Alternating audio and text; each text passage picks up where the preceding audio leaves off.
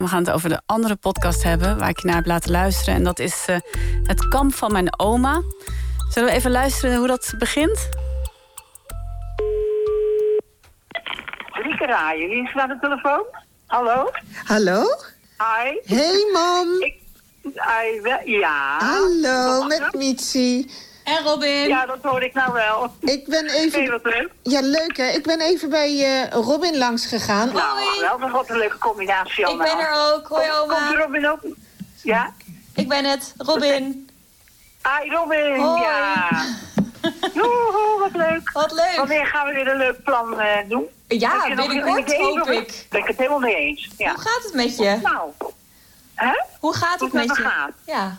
Ja, wat, als ik nou jou vraag, hè, hoe gaat het met je? Wat moet je daar eigenlijk altijd op zeggen? Ja, snap je waarom ik jou aan deze podcast had gelinkt? Nou, er zit al een duidelijke oorlogslink. eh, Een oorlogslink. ja, En ook iets heel iets persoonlijks. persoonlijks. De, de zoektocht van Robin Peters eh, naar het verleden van haar oma. Die eigenlijk een soort van te rooskleurig vertelt over die periode dat ze in het Jappenkamp zat. Ja. Dat was, die oma was toen tussen de drie en zes jaar oud, hè, geloof ik zoiets. Ja, nee, dat is, het is, het is eh, een mooi, creatief, eh, zei ik al in het begin, eh, gemaakt verhaal. Eh, Niet te volgepropt met creatieve dingen. daar was ik even bang voor. Ja. Ehm, even in die eerste aflevering dacht ik van... je moet uitkijken dat je de ziel van het verhaal wel blijft raken. Ehm, en, en, maar ik heb ook eh, toch wel even wat... door andere afleveringen ook eh, geluisterd. En d- dat komt wel goed. Dat, dat, ehm, ja, daar, daar, daar komt zij zeker. Eh, en, en ja, daar vind ik het wel een mooie vorm zo. Nog een eh, tweede fragment, want haar oma vertelt steeds dezelfde verhalen. Dat vond ik, eh, vond ik zelf een heel mooi fragment van, over die periode in het Jappenkamp. Eerst haar vader. Toen nieste hij en ik zei proost. Eh, en toen zei hij dankjewel. Dan de kleine kinderen.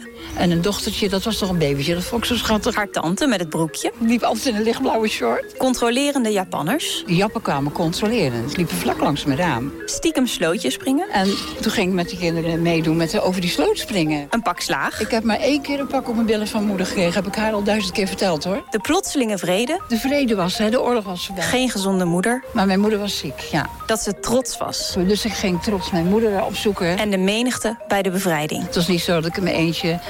Nee, het was bevrijding.